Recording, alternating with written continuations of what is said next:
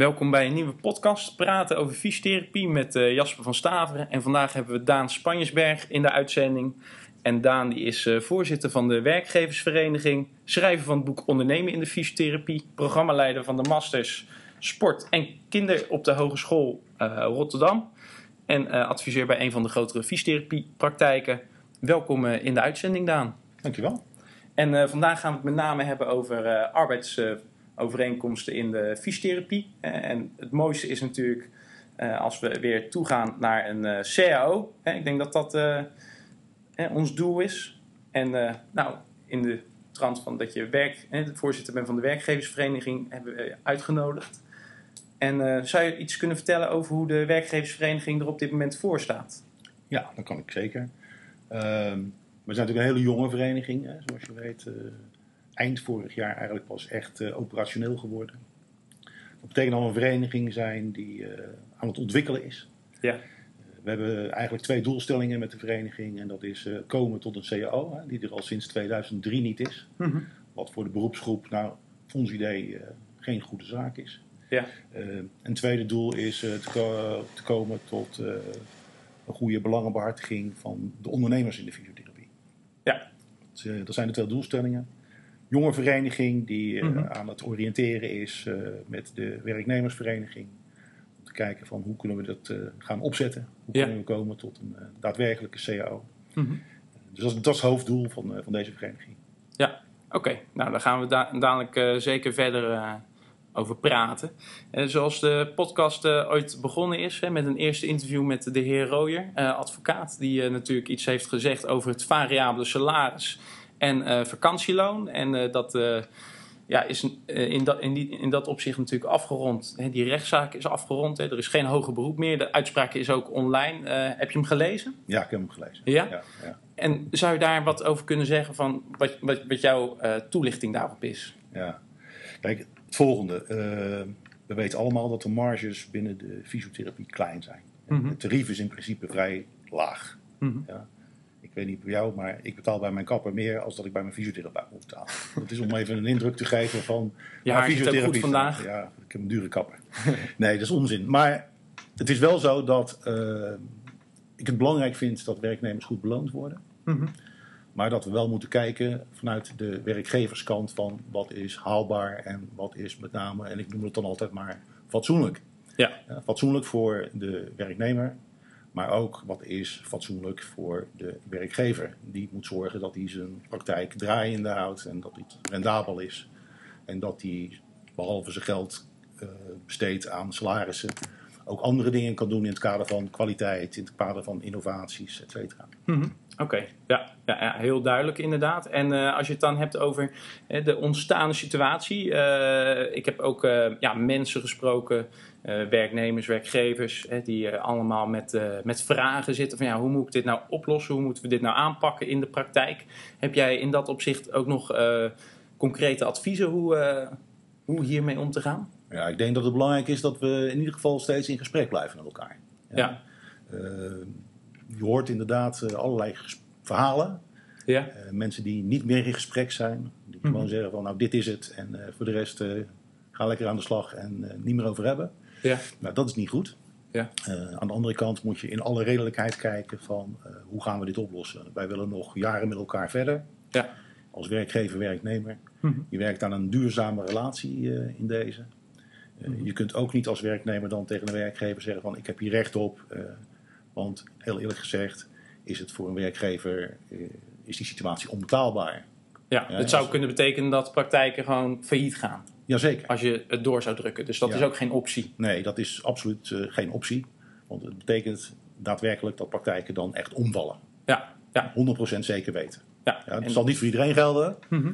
Maar dat gaat wel gebeuren. En dat kan niet het doel zijn van, uh, van een dergelijke actie.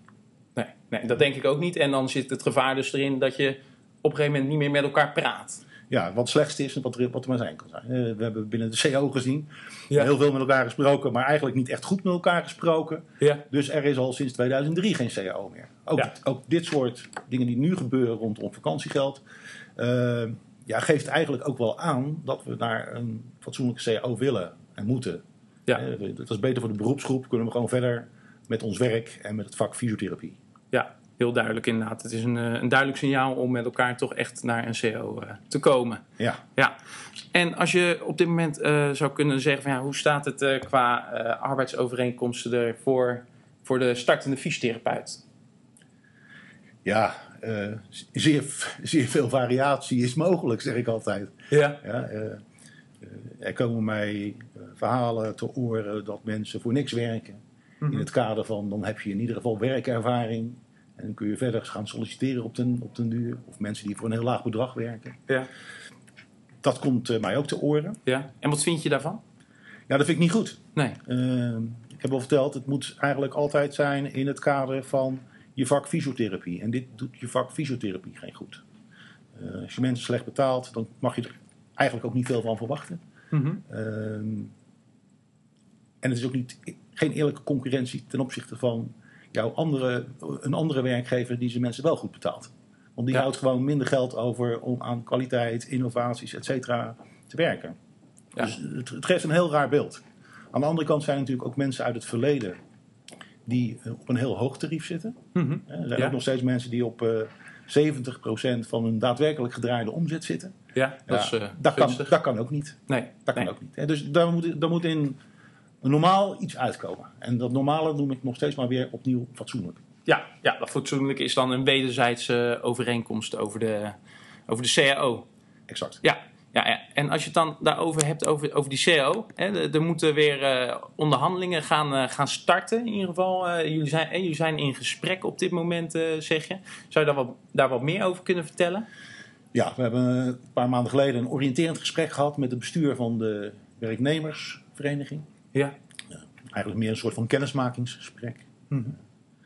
Daarin hebben we wel eigenlijk al eh, besloten dat we moeten zorgen dat we een, moeten komen tot een raamovereenkomst. Waarbij we met name de onderkant moeten hechten. Oké. Ja, het gaat ons niet zozeer om alles tot in puntjes vast te leggen. Ja. Maar we willen wel de onderkant vastleggen. Dat de excessen eruit vallen. Ja. Eh, en dat we desnoods wel goede afspraken maken die kwaliteit bevorderend zijn. Je, Ja. je, je zou kunnen nadenken over eh, afspraken over opleiding voor je werknemers. Eh, Mhm. over wel vermasteren, niet vermasteren, et cetera. Bij- en nascholing. Want ik denk dat dat van belang is voor je, voor je vak fysiotherapie. En daar staan wij eigenlijk, zowel de werkgeversvereniging als de werknemersvereniging voor. We willen die fysiotherapie goed ondersteunen. Want als we dat niet doen, dan worden wij ook zeg maar, uitgespeeld Mhm. als werkgever en werknemer Ja. door de mensen die ons gaan betalen. Ja, door dus- over- overheid, verzekeraars, die maken daar gebruik van. Ja, oké. oké. En als ik je zo hoor inderdaad, hè, een, een raamwerk CAO waarbij je de onderkant hecht, hè, dus, dus de ambities, eh, die zijn er zeker. Hè, maar het moet, als ik het goed hoor, goed stapsgewijs worden opgebouwd. eh, Ja. In plaats van dat je zegt van nou, hè, we gaan nu een eh, eh, maken met, hè, met beide partijen die voor iedereen gaat gelden. Dat, dat, dat ligt nu nog niet op tafel, als ik het zo begrijp. Nee, dat ligt nu niet op tafel. Ehm, beide besturen hebben ook besloten dat zij hun onderhandelingen niet zelf doen. Mhm. Dus het, de eerstvolgende stap die we gaan nemen is, eh, sorry, is het komen tot een onderhandelingscommissie Mhm. vanuit beide besturen. Die dan met elkaar gaan praten over ook, welke issues en komen we tot elkaar, ja of nee. Dus Ja. dan, dan begint eigenlijk pas de echte onderhandeling. ja. En hoe groot is de werkgeversvereniging op dit moment? Ja, dat is een, eh, dat is een issue op dit moment. Eh, de werknemersvereniging is groot omdat iedere werknemer die lid wordt van het KGF automatisch lid is van de werknemersvereniging. Ja, dat klopt, zogenaamde gekoppeld lidmaatschap. Ja. Eh, er is in het verleden besloten dat voor de werkgevers niet te doen. Mhm. Dat betekent dat werkgevers die lid zijn van het KGF niet automatisch lid worden van de werkgeversvereniging, Ja. maar daarvoor moeten kiezen. Ja, Ja, je moeten zich gaan aanmelden. ze moeten zich daadwerkelijk aanmelden van ik wil lid worden van die werkgeversvereniging. Ja. Nou, daarin hebben wij op dit moment nog wel een probleem in de zin dat heel veel werkgevers daar heel afwachtend in zijn. Zo van, nou ga eerst maar wat doen en laat maar eens kijken waar jullie mee komen. Mhm. En eens kijken of dat dan ten gunste van mij is, of ik daarmee te voeten kan. Ja. Eh, ze zijn er zeer afwachtend in. Dat betekent dat we op dit moment erg weinig leden hebben. Dat baart mij zorgen. Ja. Eh, Ik, eh, ik zou dan met het bestuur die werkgevers moeten vertegenwoordigen. Maar als dat een heel klein groepje is, is dat niet realistisch. Hè. We hebben dus ongeveer 6000 eh, werkgevers in Nederland. Mhm. ja, dan moet toch een behoorlijk aantal mensen van lid zijn van de vereniging willen het acceptabel maken. Ja, en wat vind jij een acceptabel getal? Als dat, uh... Ja, is, is heel moeilijk te zeggen. Is heel moeilijk te zeggen. Okay. Ik, ik, ik, denk dat als we zo'n 2.000, 3.000 werkgevers lid zouden hebben, dan, dan zijn dat toch heel veel. Ja, en uh, dat, dat zo weinig werkgevers zich aanmelden, kan dat ook te maken hebben dat het ook misschien met een bepaalde angst uh, te koppelen is? Hè? De, de, angst van de werkgever dat die zegt van ja, het is wel leuk dat jullie met z'n allen tot een CAO willen komen, maar dat zal waarschijnlijk toch alleen maar ten voordele zijn van de werknemer. En ik zal er altijd per definitie slechter van worden. Is dat een idee? Ja, dat is. Dat kan ik, ik wil dat niet, uh, ik wil dat niet uh, over heel Nederland uh, wegzetten. Zo Mhm. van iedereen denkt er zo over. Mm -hmm. ongetwijfeld zullen er werkgevers zijn die er zo over denken. Ja. die signalen krijg ik ook wel. Daar moet ik eerlijk in zijn. Ja. mensen die zeggen: joh, maar ik heb het nu goed geregeld. En als jullie het gaan regelen, ben ik bang dat het alleen maar minder voor mij wordt. Ja. ja, is begrijpelijk dat ze zo denken, dat er angst mm -hmm. is.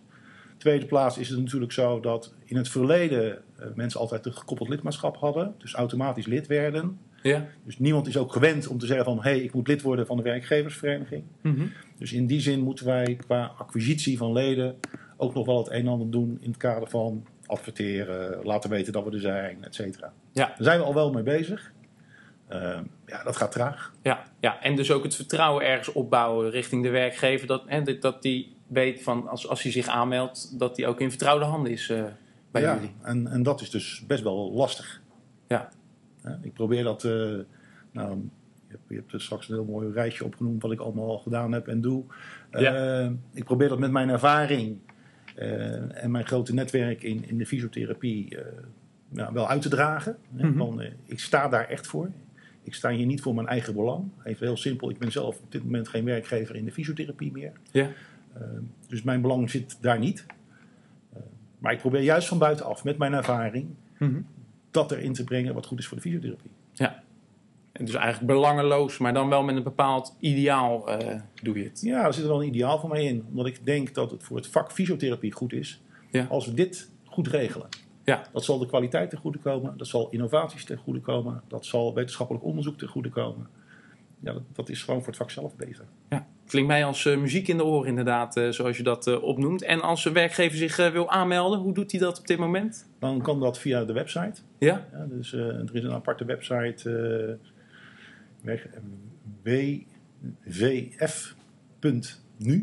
Ja, ja, en, ja. we zetten ook een link erbij, dus dan ah, kunnen ze zeker ja. de juiste website openen. Ja. Goed is dus om te zeggen dat het KNGF dit ook belangrijk vindt. Mm -hmm. Dus het KNGF-bestuur heeft ook besloten van uh, een ondersteuning te geven aan deze vereniging. Ja. Dat betekent dat mensen die lid worden van een vereniging de eerste twee jaar geen lidmaatschap betalen. Oh, okay. Dus uh, de kosten die wij maken als vereniging, ook dadelijk mm -hmm. voor onderhandelingscommissie en voor andere dingen, uh, worden vergoed door het KNGF. Kijk, dat is een mooie toezegging van het KNGF ook. Exact. Ja, verwacht je nog verder van het KNGF een bepaalde positie in, in deze ontwikkelingen? Nou, liever niet. Even heel simpel gezegd. Hè? Ja. Ik wil dat het uh, KNGF daar buiten blijft. Dat was een van mijn eisen, zeg maar wel. Uh, het gaat tussen de werkgevers en de werknemers. Daar is de KNGF geen partij. Mm -hmm. Niet anders dan ondersteunend aan de vereniging. Ja. Uh, maar zeker niet, niet deelnemen aan. Oké, okay. ja. ja. Daar, duidelijk. Moeten, daar moeten ze duidelijk buiten blijven. Ja, duidelijk, duidelijk, duidelijk. Ja.